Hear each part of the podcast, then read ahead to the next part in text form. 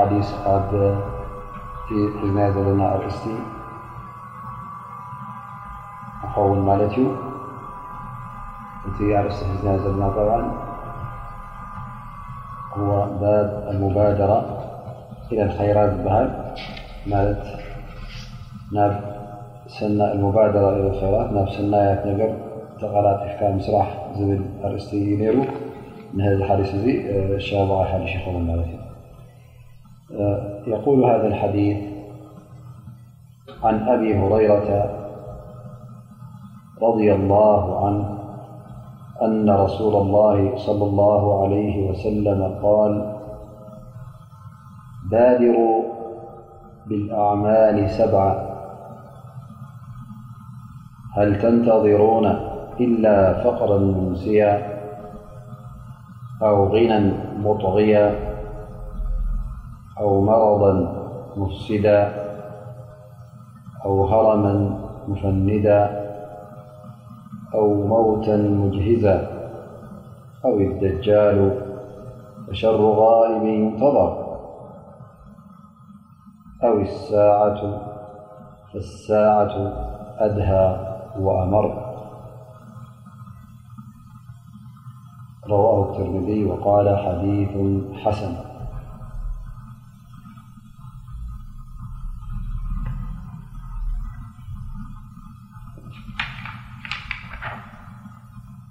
መያ ዚ ሓ እ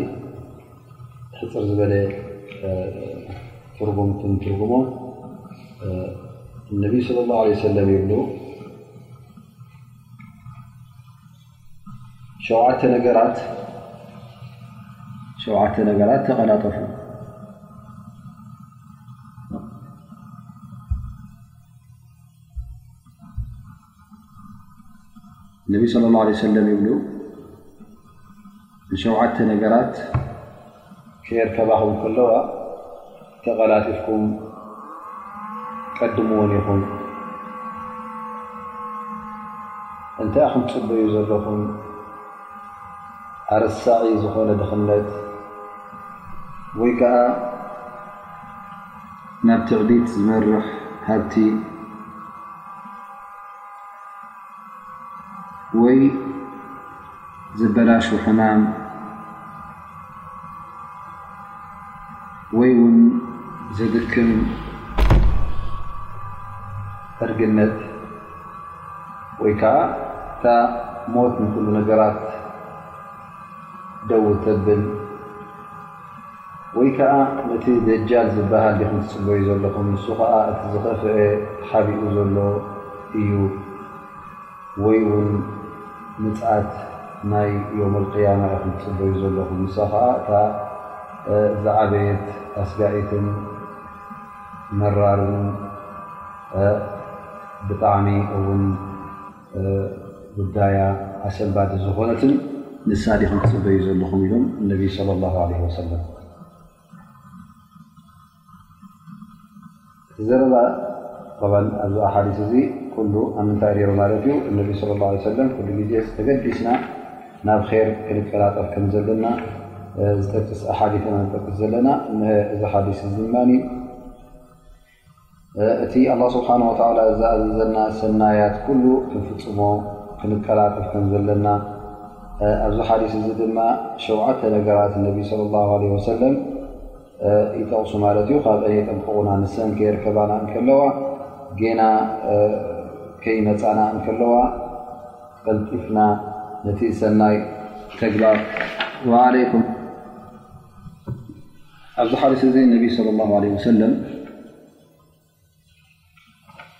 ሸውዓተ ነገራት ጠቒሶም ማለት እዩ እዘን ሸውዓተ ነገራት ከየርካባና ከለና ተቐላጢፍና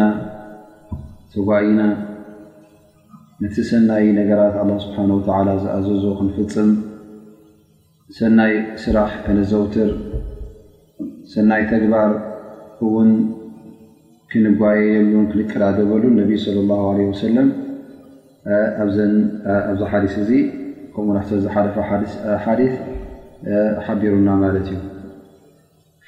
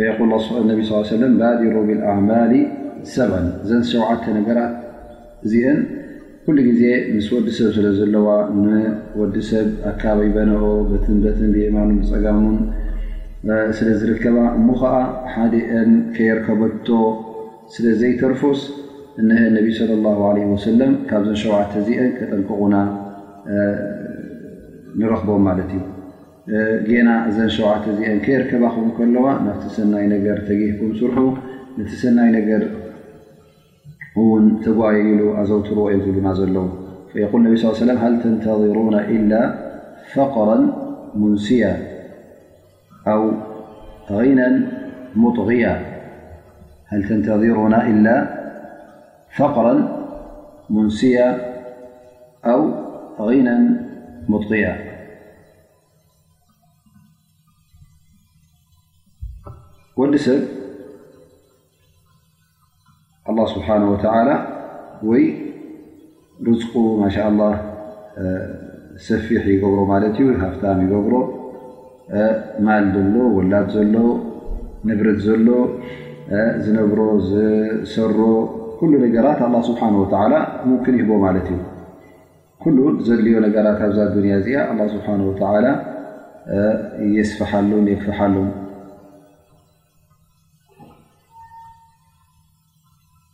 ከም ዝኸውን ከሎ ድማ ወዲ ሰብ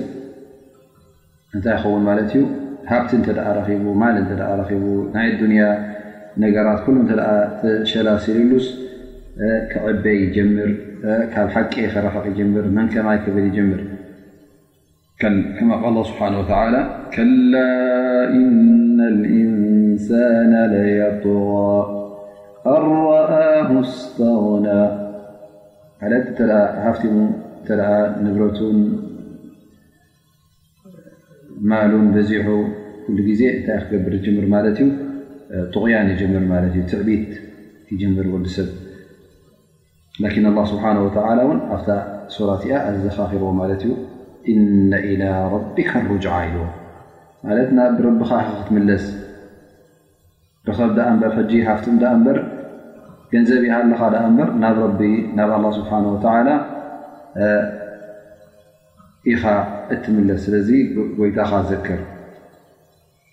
ዝረኸብካ ረኸብ ዝሃፍተምካ ሃፍትም ፅባሕ ንጎ ግን ናይ መዓልቲ ሕሳብ ስለ ዘሎ ናብ ኣላ ስብሓን ወላ ክትምለስ ኢኻ ስለዚ ሰብ እንተ እዛ ኣዱንያ እዚኣ ተኸፊታትሉ ኩሉ ግዜ ተዐሽዎ ስለ ዝኾነት ናብ ሕማቕ ነገር ናብ ክፉእ ነገር እውን ተዘንብሎ ናብኡ ትስሕቦ ማለት እዩ እንተ ድኻ ኮይኑ ብዙሕ ነገራት ምናልባሽ ሰኣን ስእነቱ ይተርፎ ይኸውን እተ ድኻ ኮይኑ ኩሉ ግዜ ናይ ትሕትና መልክዕ ናይ ትሕትና ስራሓት ይርእ ማለት እዩ ፍፁም እተ ድኻ ኮይኑ ኩሉ ግዜ ናብ ትዕቢት እሞንታይ ሒዙ ዩ ክዕበ ዝዕቢ ነገር የብሉን ስለዚ ገንዘብ ስለ ዘይብሉ ናብ ምንታይ ናብቲ ትሕትና ይሕግዞ ማለት እዩ ትድኽነት ግን ድኽነት እውን ክመፅእ እንከሎ ቀሊል ነገር ኣይኮነን ነቢይ ለ ላ ለ ወሰለም ይብሉ ኣብዛ ሓሊት እዚኣ ኣው ጊናን ኣፍዓልተንተሮና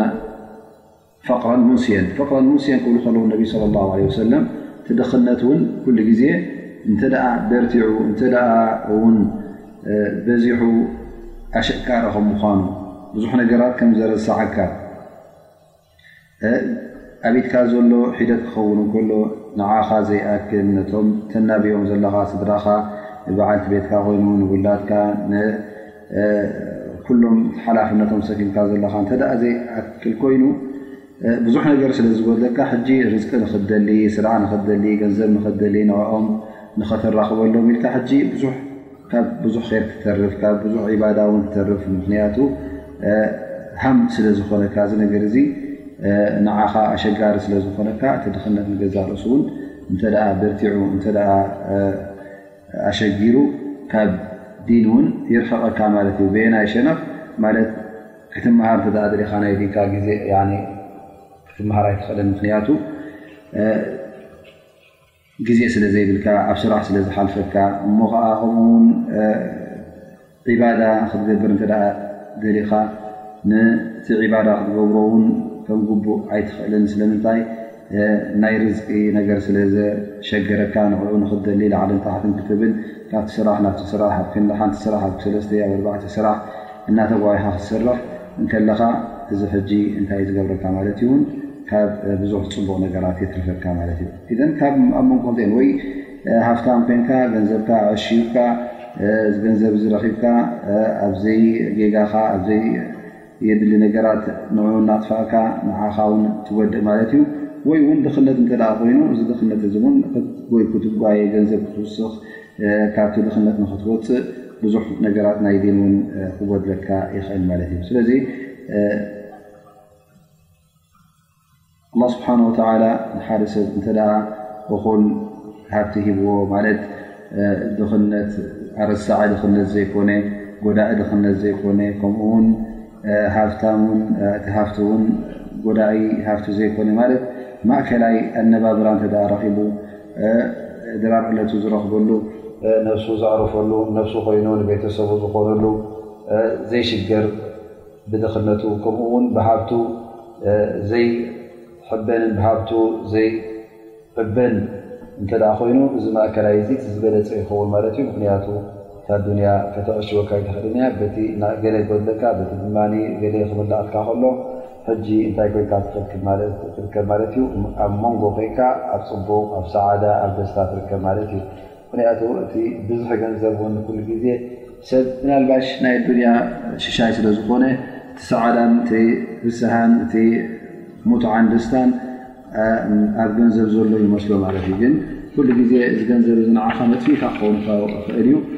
ጎዳኢኻ ውን ክኸውን ይኽእል እዩ لذلك الله سبحانه وتعالى ق أعوذ بالله من الشيطان الرجيم من عمل صالحا من ذكر أو أنثى وهو مؤمن فلنحينه حياة طيبة ولنجزينهم ولنجزينهم أجرهم بأحسن ما كانوا يعمنون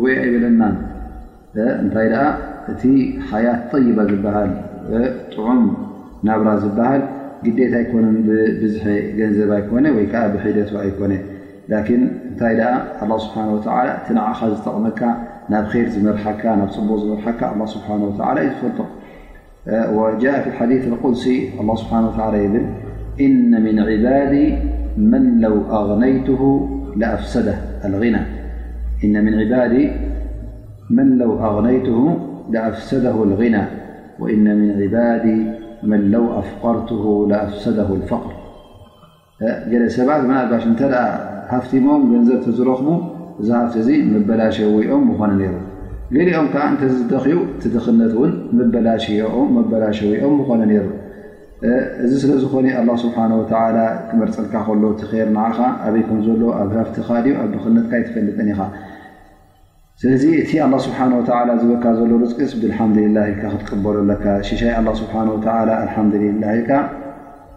ክትቀበሎ ከለኻ ኣላ ስብሓን ወተላ እውን በረካ ይገብረልካ ማለት እዩ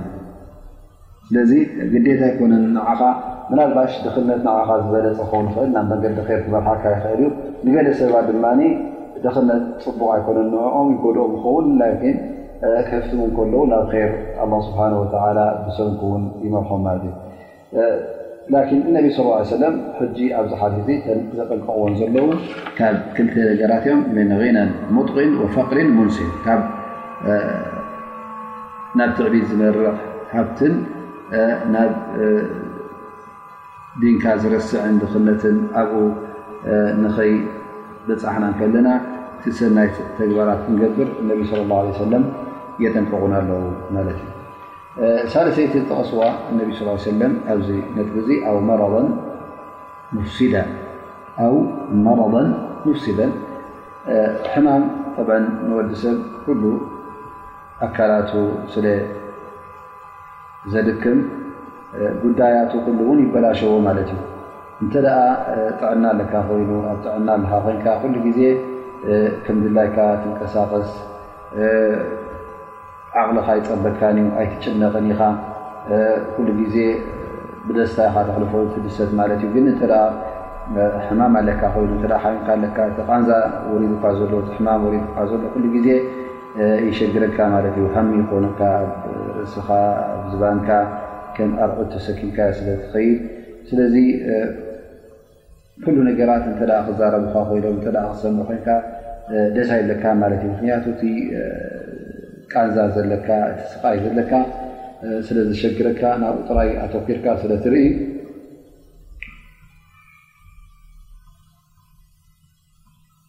ሕጂ ብዙሕ ነገራት ደስ ኣይብለካ ማለት እዩ ምስ ሰብ ንክትራኸብ ደስ ኣይብለካ ዕላል ክተዕልል ደስ ኣይብለካ ብዙሕ ነገራት እውን ክትገብሮ እውን ኣይትጓይይን ማለት እዩ ምክንያቱ ድኻም ስለ ዘለካ እቲ ነብሲ ስለ ዝኣብየካ ማለት እዩ ስለዚ እንተ ኣብ ጥዕና ኣለካ ኮይንካ ግን ንኩሉ ነገር ንክትገብር ሓይሊ ስለ ዘለካ ዝደፍኣካ የለን ዘድሓርሕረካ የለን ስለዚ እንታይ ኮንካ ትርከብ ማለት እዩ ነቲ ነገር ሓይሊ ትፍፅሙ ማለት እዩ እሞ እንተ እንታ ወዲ ሰብ እንታ ስላማይ ኣብ ግዜ ጥዕናኻ ኣለኻ ኮንካ ሕማም መዓስ መፀካ ኣይትፈልጥን ኢኻ ዘይሓምም ውን የለን ወዲ ሰብ ስለዝኾንካ ፍጡር ስለዝኾንካ ሓደ ዓይነት ሕማም ክመፀካ ክእል ዩ ኣብ ዝኾነ ይኹን ሰዓት ዘይገድስ እዚ ሕማም እዚ ምናልባሽ ብርቱዕ ሕማም ክኸውን ይኽእል ዩ ፈኪስ ሕማም ክኸውን ይኽእል ዩ ፈውሲ ዘለዎ ሕማም ክኸውን ይኽእል ዩ ፈውሲ ዘይብሉ ሕማም ክኸውን ይኽእል ዩ ነዊሕ ክፀንሕ ዝሰኻኽእል ዩ ወይ ከዓ ንውሕድ ዝሕፅር ዝበለ መዓልታት ክኸውን ይኽእል ዩ ኣይትፈልጥን ኢኻ ላኪን ፍጡር ስለ ዝኾንካ ግዴታ ሕማምሲ ምሳና ዘሎ እዩ ካባና ዝረሓቕ ኣይኮነን ስለዚ ሕማም ከየርከበካ ከሎ ኣብ ግዜ ጥዕናኻ ከለኻስ ነቲ ሰናይ ነገራት ተጓየየሉ ተቐዳደመሉ ጌና እቲ ኣካላትካ ብሕማም ከይደኸመ ከሎ ሓያል እንከሎ ጠንካራ እንከሎስ ነቲ ሰናያት ኣዘውትር ሰናይ ነገራት ንምግባርሲ ተጓየኻ ተቐዳደሚኻ ወይ ሕማም ከየርከበትካ ራብዐይቲ ኣው ሃራማን ሙፈኒዳ ይብሉ ነቢ ስ ሰለም ሃራም እተ ዓቢኻ ዕብት ማለት እዩ ኣ ስብሓን ወላ ንገዛ ርእሱ እ ዕድሚ ክበካ ከሎ ዕምሪ ክበካ ከሎ እዚ ፅቡቕ ይንዕማ እዩ ላኪን ሓደ ሓደ ግዜ እቲ ዕምሪ እውን ክነውሕ ከሎ ዕድመ ስብሓ ነዊሕ ክበካ ከሎ ኣብ መጨረሻ ኣበይ ናይ መድረክ ኢኻ ትበፅሕ ከማ ቃል ስብሓ ወ ወምንኩም መን ይረዱ ላ ኣርዘሊ ልዑሙር ናብቲ ዝተሓተ ማለት ዕድመ ወሲኹስ ኣብቲ ዝበእሰ ዕድመ ትበፅሕ ማለት እዩ ኣብቲ ዝኸበደ ዕድመ ናብ ታሕቲ ዝመልሰካ ንድሕሪት ዝመልሰካ ዕድመ ናብኡ ትምለስ ማለት እዩ ሙሉእ ኣእምሮን ሙሉእ ሓይልን ኣካል ነይሩካ ዕድሜኻ እንተ ሰጉሙ እና ደኸመ ስለ ዝኸይድ እቲ ኣካላትካ ሓንጎልካ ይደክም ኣካላትካ ውን ይደክም ልክዕ ከም ንእሽተይ ቆልዓ ውን ትምለስ ማለት እዩ ዓቕልኻ ውን ክስሕት ትኽእል ኢኻ እንታይ ከም ትብሎ ውን ይጠፍእካ ማለት እዩ ምክንያቱ ዕብት ስለ ዘሎ ናይ ዕብት ኩሉ ግዜ ውን እንተ እና ተናውሖ ኮይዱ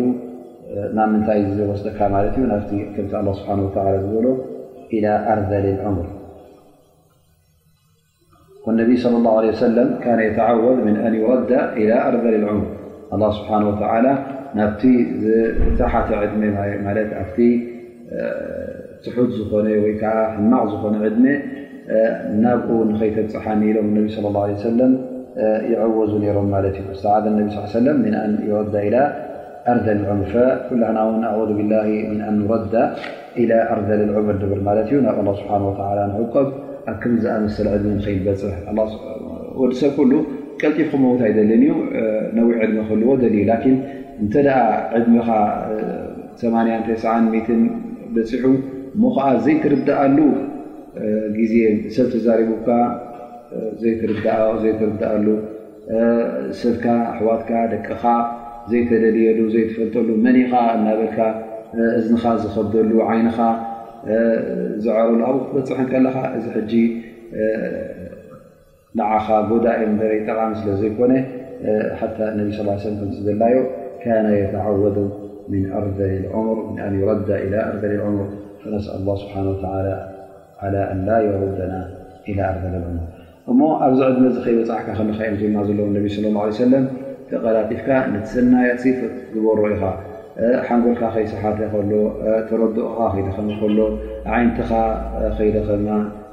ዛንካ ከይከበዳ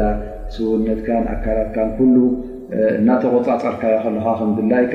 ሽዑ ደኣ ንሰናይ ስራሕ ኢካ ሽዑ ደኣ ሰላት ኣብዝሕ ፆም ኣብዝሕ ጌና እንከሎ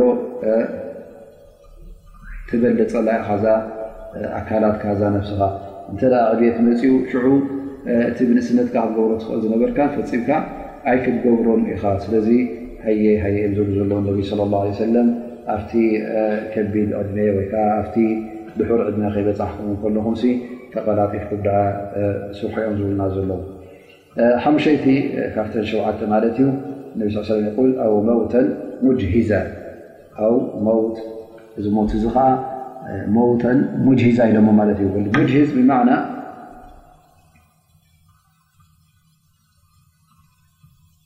ወዲ ሰብ ክመውት ከሎ እንተ ሞይቱ በቃ ብድሕሪኡ ክገብሮ ዝኽእል የለን ሞት ድማ ቆፀራ የብላን እዛ መዓልቲ እዚኣ ክትብላ ኣይትኽእልን ኢኻ ናባሽ ኣብ ዓራትካ ከለኻ ትመውት ኣብ መንገዲ እናኸድካ ከለኻ ትመውት፣ ኣብ ሰድያኻ እናሰራሕካ ከለኻ ትመውት፣ ኣብ ስራሕካ እሞ እዛ ሞት እዚኣስ መን ይኣምና ኣነስ ዕድመይ ክንዲዚኡ ሞት ኣብ ክንዲዚ ዕድመ ክትመፀኒያ ኢልካስ ቆፀራ ዝወሰድናዮ የለን ምስ መለከል ሞት ላ ስብሓን ወተላ እዛ ናይ ሞት እዚኣ ምስጢር ገይርዋ ማለት እዩ ፍፁም ፍጡር ከምዘይፈልጣ ገይርዋ ኣላ ስብሓን ወተላ ስለዚ እዛ ሞት እዚኣ እሞ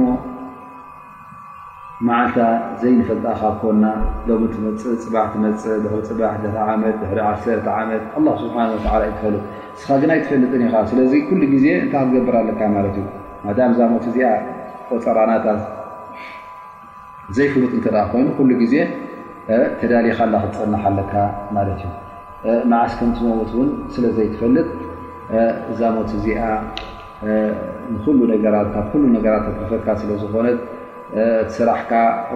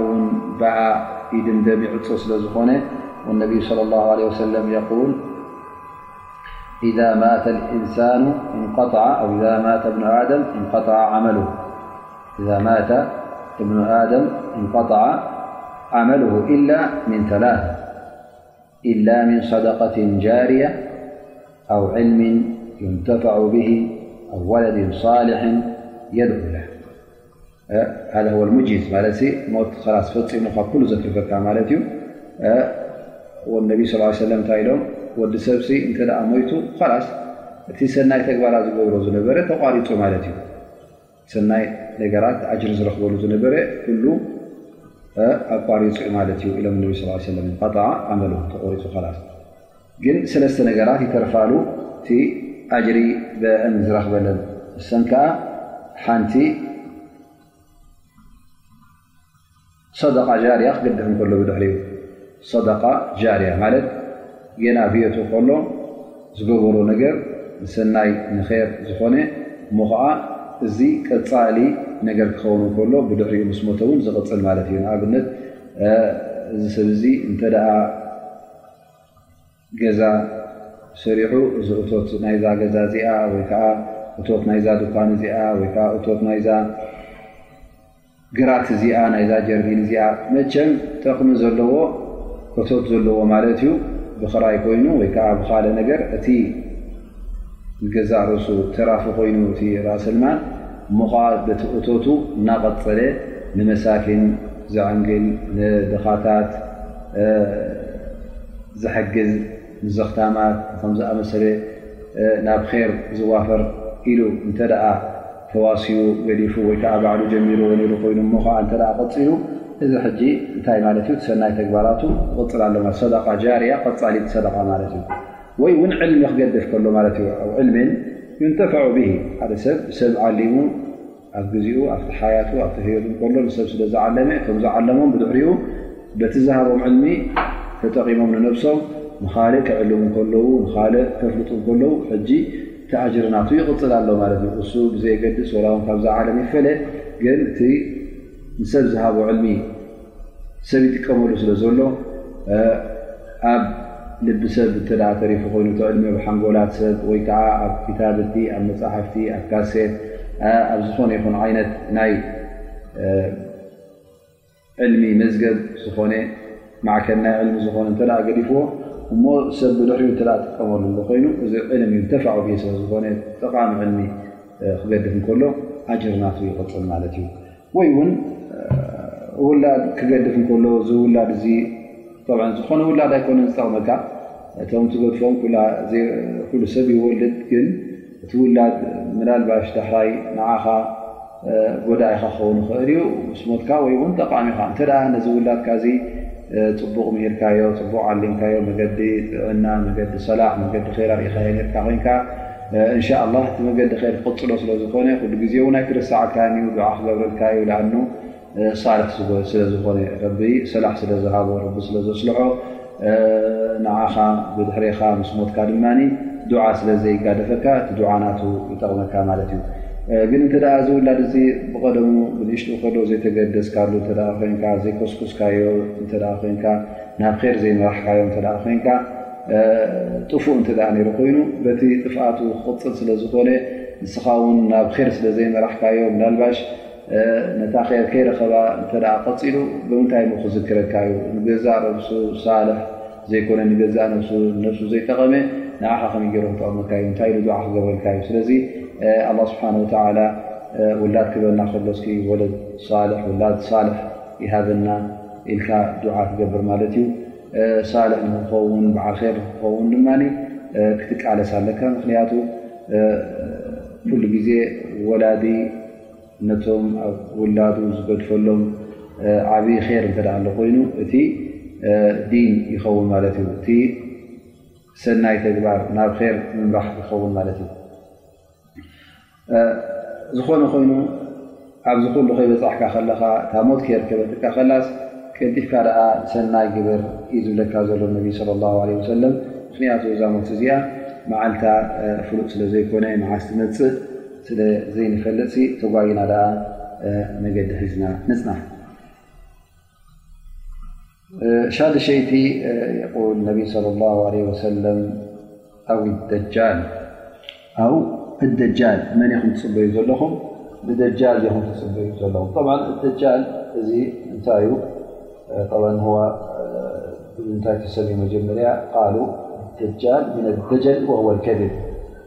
ካብ ሕሶት ዝመፀ ማለት እዩ ሓሳዊ ማለት እዩ ምክንያቱ እዚ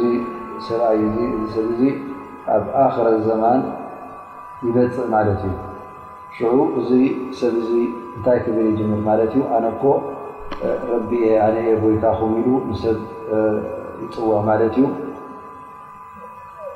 ኣላህ ስብሓን ወተዓላ እውን ንሰብ ንፊትና ንምርመራ ንፈተና እዩ ገይርዎ እዚ ሰብኣይ እዚ ክመፅእ እንከሎ ኣብዛ ዓለም እዚኣ ኣርባዓ መዓልቲ እቲ ናቱ ዳዕዋ ወይ ከዓ እቲ ናቱ ጎስጓስ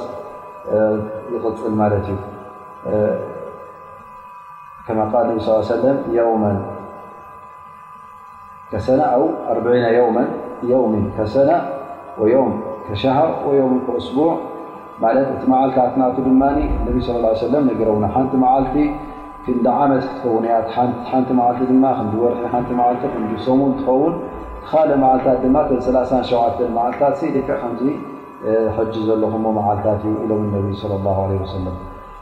ኣላ ስብሓን ወተላ ነዚ ሰብ እዚ ኣላ ስብሓን ወተላ ፍልይ ዝበለ ክእለት ይህቦ እሞኒ ምስ ካልኦት ዘይተረእየ ካብ ሰማይ ማይ ክውርድ ከምዝኽእል ይገብሮ ማለት ዩ ማይ ከውቅዕ ወይ ውን ንመሬት ውን ከተብቁል ከም ዝገብራ ንመሬት ከተብቁል ከም ዘለዋ ይእዝዛሞኒ ተብቁል ይብሉ ማለት እዩ ከምኡ ውን መቕፃዕቲ ናቱ ንብኡ ዝኣመነ ጀና ኢሉ ናቱ ጀና ኣላቶ ማለት እዩ ከም ጀና ዝኣመሰለት ይገብር እሳት ውን መቕፃዕቲ ኢሉ ነዛ እሳት እዚኣ ውን ነቶም ብኡ ዘይኣመኑ የእትወላ ማለት እዩ ግን እታ ጀና ዝብላ ዘሎ ነቶም ኣብኣ ዝኣተው እንታይ ኮይና ትፀንሖም ማለት እዩ ገሃንም ኮይና ትፀንሖም እሳ ድማ ብግዳማ እሳ ዝነበረት ብውሽጣ ነቶም ሰብ ር ጀና ኮይና ዝፀንሖም ማለት እዩ እዚ ሰብኣይ እዚ ሓንቲ ዓይኑ እያ ሓንቲ ዓይኑ ከዓ ልክዕ ከምንታይ ትመስል ማለት እ ነ ስ ለ ዓ ዓይነበትን ቋፍ እያ ልክዕ ከምዛ ፍረ ወይኒ ጠልጠል ዝበለት ከምኡያ ትመስል ኣብ መንጎ ክልተ ዓይኑ ማለት ኣብ ግንባሩ ካፋራ ፅሑፍ ማለት እዩ ካፍር ዝብል ፅሕፈት ኣለዎ እሱ ከዓ ብጀካ ቶም ሙእምኒን ቶም ሰብ ኢማን ካልእ ኣየንብብዎን እዮም ቶም ሰብ ኢማን ይቕር ኣንበብትን ዘየንበብቶምን ተምሃሩን ዘይተምሃሩን መሃይሞምን ኩሎም ክቐርብዎ ይኽእሉ ማለት እዩ ግን እተ ሙናፊቅ ኮይኑ እንተ ካብ ሓደ ኮይኑ ግን እዛ ፅሕፈት እዚኣ ኣይትረኣዮን እያ ኢሎም ነቢ ለ ላ ለ ሰለም እዚ ሰብ እዚ እውን ዓብ ፊትና እዩ ዝገብር ማለት እዩ ከምዚ ዝኣመሰለ ፍልይ ዝበለ ክእለታት ተኣምራት ሒዙ ስለ ዝመፅእ ሰባት ክጋግዩ ይኽእሉ ኣብቲ ግዜኡ እንተ እሱ መፅኡ ሕጂ እስኻ ኣነስ ኣይጋገይነ ኣነስ ኣብ ፊትና ኣይወደቕን እየ ክትብል ኣይትኽእልን ኢኻ ኣብ መጨረሻ ውን ኣላ ስብሓን ወተላ ንመን የውርድ ማለት እዩ ንዒሳ እብኒ መርየም ዓለ ሰላም የወርድ እሞኒ ሽዑ ካብ ሰማይ ወሪዱ ነዚ ሰብ እዚ ንደጃል ይቐትሎ ማለት እዩ ክቐትሎ ከሎ እውን ኣብ ባብለድ ዝበሃል ፍለስጢን ኣብኡ ይቐትሎ ማለት እዩ መቸም እታይ ዘርእና ዘሎ ኣላ ስብሓ ወላ ኣብቲ ኣክረ ዘማን መጨረሻ ዓለም ክቀራረብ ንክሎ ሽዑ ገለገለ ዓይነት መርምራን ፈተናን ክኸውን ስለዝኾነ ሓደ ካብኡ ናይ ደጃል ዝተባህለ ዝጠቐስናዮ ፊትነት ጃል ክትመፅ ማለት እዩ እዛ ፊትና እዚኣ ውን ቀላል ኣይትምሰልና ኣነስ በዓል ኢማን ኣነ እንታይ ኣለወልካ ውን ኣቅሚኡ ዶ ክትብል ኣይትኽእልን ኢኻ ምክንያቱ እ ኣብ ኢዱ ዘሎ ሓይልታት ብጣዕሚ ተኣምራዊ ስለዝኾነ ንብዙሕ ሰብ የታሊ ማለት እዩ እቶም ኢማኖም ሒዞም ቀጥ ዝብሉ ኣብቲ ግዜ እቲ ውሑዳት እዮም በል ነቢይ صለ ላه ሰለ እተ ርእና ኣብ ሰላትና ክንሰግድ ከልና ሕጂ ኣትሕያት ኣሲርና ኣብቲ ናይ መጨረሻ ኣትሕያት ክንኣስር ከለና ሓደ ካብቲ ዝዓለሙና ድዓ እንታይ ይኸውን ማለት እዩ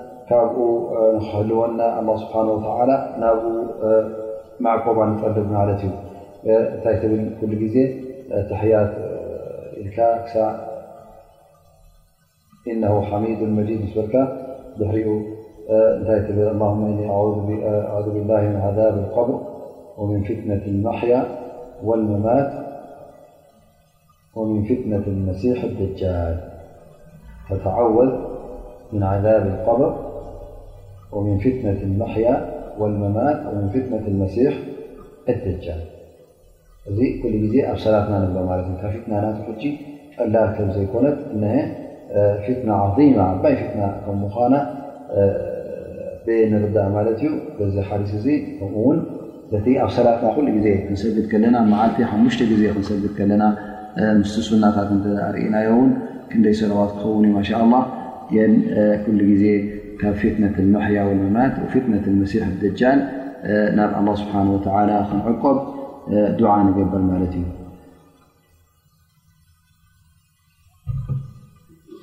ታሻውዐይቲ እታ ናይ መጨረሻ እውን ካብኣ ክንጥንቀቕ ዘለና ሕጂ እንታይ እዩ ዘሎ ኣብዛ ታሻድሸይቲ እውን እዚ ፊትና እዚ ከየርከበኩም እንከሎ ሰናያትኩም ግበሩ ሰናይ ኣብዝሑ መገዲ ር ሕዝኩም ፅንሑ ናብቲ ር ተጓየዩ እዩ ዝብለና ዘሎ ነቢ ለ ላ ሰለም ታሻውዐይቲ ኣውሳዓቱ ኣድሃ ኣመር ዮም ነ ሳ ሳ እስም ኣስማ ዮም ያማ ሓደ ካብቲ ኣስማታ ሳዓ ትበሃል ይ ቅያም ሳዓ ማለት መዓልቲ ምፅኣት ማለት ዩ መዓልቲ ቅያማ ኣብዛ መዓልቲ እዚ ጠ ዮም ቅያማ እተ መፅኡ ኩሉ ሰብ ክመውት ማለት ዩ ዝተርፍ የለን ናይ ጉዳይ ቅያማ ድማ ከም ናይ መሲሕ ደጃል ኣይኮነ ወይከዓ ከምቲ ናይ ሞት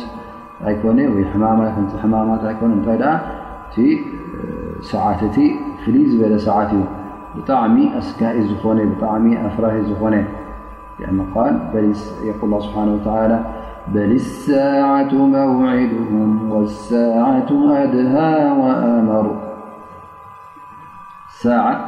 ዮውም ኣልቅያማ ዮውም ኣልቅያማ ድማ እንተ መፅኣ እሳ እዛ መዓልቲ እዚኣ ዮውም ኣድሃ ወኣመር መራር ዝኾነ ብርቱዕ ዝኾነ ሓያል ዝኾነ እዩ ካብ ኩሉ ኣቲ ዱንያ ዝረኽበካ ዝነበረ ዕንቅፋታት ካብ ኩሉ ኣብ ኣዱንያ ዝረኽበካ ዝነበረ ሽግራት ካብቲ ኣብ ኣዱንያ ዝረኽበካ ዝነበረ ኩሉ ኣሰንባዲ ነገራት እዛ ናይ ዮውመል ቅያማ ንበይና ከም ምዃና እነሀ ነቢ ስለ ላ ሰለም ይኹን ኣብዚ ሓዲስ እዚ ከምዝነበብናዮ ዝነበብናዮ ወሰዓቱ ኣድሃ ወኣመር ቁርን እውን በል ሰዓቱ መውዒድሁም ወሰዓቱ ኣድሃ ወኣመር ኢሉናዩ ኣላ ስብሓን ወተላ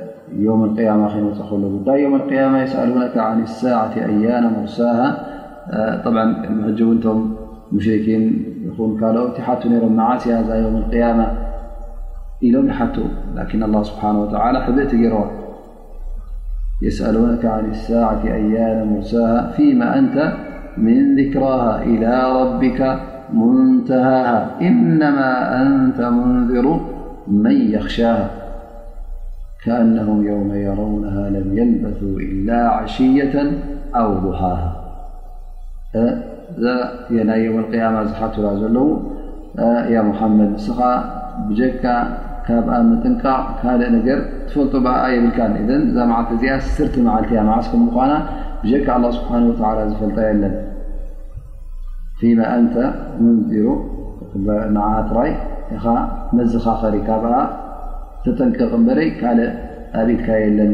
ኢሉ ኣላ ስብሓን ወተላ ኣብቲ ኣያ እውን ጠቒስዎ ማለት እዩ ሙንሩ መን የኽሻ ከኣነም የውመ የረውንሃ ለም የልበቱ ኢላ ዓሽየተ ኣው ሸዓ ድማ እዛ ዮም ቅያማ እንተ መፅኣ እቲ ሰብ እንታይ ክመስሎ ዩ ተሞይቱ ዝነበረ ከምዛ ሓንቲ መዓልቲ ፍርቂ መዓልቲ ዝሞተ ይመስሎ ማለት እዩ ምክንያቱ ዝሞተ ናይ ግዜ ፀብፃብ ክፅብፅብ ኣይክእልን እዩ እሳ ውን ክትመፅእ ከላ ውሱን መዓልቲ የብላን ኣ ስብሓ ወሲንዋ ግን ንፈልጦ ውሱን መዓልቲ የለን ስለዚ እዛ መዓልቲ እዚኣ ናይ መዓልቲ ቅያማ ከይመፀትና ከላ ብዕድልና ክንፃወት የብልናን ተጓይና ኣማል ሳሊሓ ኩሉ ክንሰርሖ ኣለና ማለት እዩ ጠብዓ ኣብቲ ሓዲስ ከም ዝረኣናዮ ሕጂ ጥራይ ካብዛ ናይ ዮም ኣልቅያማ ኣይኮነን እዘን እተን ሸውዓተ ነገራት እየን እነቢ ስለ ላ ለ ሰለም ካብአን ዘጠንቅቑና ዘለዉ እዘን ሸውዓተ እዚአን ሲ ሓደአን ከ ይርከበኩም እንከሎ ተጠንቀቑ ሰናይ ደኣ ፈፅሙ ሰናይ ነገራት ግበሩ ንሰናይ ተጓዩ ምክንያቱ ኣብዛ ዱንያ እንተ ኣለኻ ኮይንካ ኣላ ስብሓን ወተላ ብድኽነት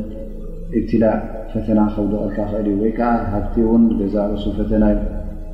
ወነብሉኩም ብሸሪ ወልከይሪ ፊትና ሰናይን እከይን ኩሉ ንዓኻ መፈተኒ ክኸውን ይኽእል እዩ እዚ ፈተና ድማ እዚ ዝኾነ ይኹን ፈተና ኣብኡ ክትወድቕ የብልካ ዝኾነ ይኹን ፈተና እውን ኣስጋ እዩ ትዕወት ዶ ይትዕወትን ኣይትፈልጠን ኢኻ ስለዚ ኩሉ ግዜ እውን ኣላ ስብሓን ወተላ ኣብ ፊትና ንኸይውድቐና ብመላ ተፍቲና ኢልካ ዱዓ ክትገብር ኣለካ እታ ረቢ ኣብ ፊትና ኣይትውድቐኒ ዝኾነ ይኹን ዓይነት ፊትና ኣብ ነብሰ ይኹን ኣብ ማለይ ኣብ ኩላደ ኢልካ ዱዓ ክትገብር እዩ ዘለካ ማለት እዩ ስለዚ እዘን ዝጠቐስናየን ከም ዝበልናዮ ወይ ሃብቲ መፂኡካ ብሃብቲ ተዓሺኻ ዲንካ ክትርስዕ ትኽእል ኢኻ ወይ ውን ብድኽነት ብሰንኪ ድኽነት ን ናይ ዲንካ ክትርስዕ ትኽእል ኢኻ ጥራይ ሃውሊ ናይ ኣዱንያን ሃውሊ ናይ መኽሰብን ሃውሊ ናይ ስራሕን ስለ ዝወስደካ ወይ ውን ሕማም መፂኡ ውን ዕንቅፋት ክኾነካ ኽእል እዩ ኪሓምምካ ከለኻ ስለዚ ተጓየ ወይ ውን ተዘይሓምምካ ዕድመ እተ ሂቡካ እዚ ዕምሪ እዚ እተ ሰጉምካ ነብስኻ እናደኸመ ከይዲ ዩ ክተኣረጊኻ እርጋን እተ መፅያ ድማ ኣብ ግዜ እርጋንካ እቲ ትምነዮ ነበርካ ር ትሓስቦ ዝነበርካ ኩሉ ክትገብሮ ክትገብሮ ኣይትኽእልን ኢኻ እሱ ስለዝኾነ ድማ ና ብንእስነትካ ከለኻ ኼራትካ ካብኡ ኣብዝሕ ወይ እውን እታ ሞት ክትመፀካ እያ ብሕማም እተ ሓሊፉካ ድሕሪ ሕማም ሞት ይመፅእ እተ ሕማም ዘይሞትካ ዕብት ምስ ዓበኻ ዕሚኻ ምስ ኣኸለ እርጋን ምስ በዝሐ ድሕሪ እውን ሞት ክመፀካ ማለት እዩ ዝሞት እዚ እውን ኣይተርፍን እዩ ኩላና ዝፅበየና ዘሎ ስለዝኾነ መዓስ ከምትሞት ን ስለዘይትፈልጥ ተቐላጠፍ ድኣ ቅድሚ እዚ ሞት እዚ ወይ እውን ከምቲ ዝበሎ ነብ ስ ሰለም እተ ካብቶም ኣብ ኣክረት ዘማን ዘለካ እተ ኮንካ ገና እቲ ደጃል ዝበሃል ከይመፀ ከሎ ዮም ቅያማ ከይመፀት ከላ እቲ ጓይኻ ደኣ ሰናይ ስራሕ ዝብለካ ዘሎ ነቢና ሓመድ ለ ለ ወሰለም እዚ እውን እንታይ እዩ ዘድልየና ማለት እዩ እዛ ነፍስናስ ክንቃለስ ኣለና ግዴታ ክንቃለስ ኣለና ምክንያቱ እዛ ነፍሲ እዛ ኣካልና ኩሉ ዕረፍቲ ፈትኡ ትህኪት ኣለና እዚ ስለ ዝኾነ ድማ እንተ እዛ ነፍሲ እዚኣ ናብ ር እተ ዘይደፋፋእካያ እተ ዘየላመትካያ ገዛ ርእሳ እና ተዳኸመት እና ሰነፈት ስለ ትኸይድ ክትቃለስ ኣለካ ማለት እዩ እንተ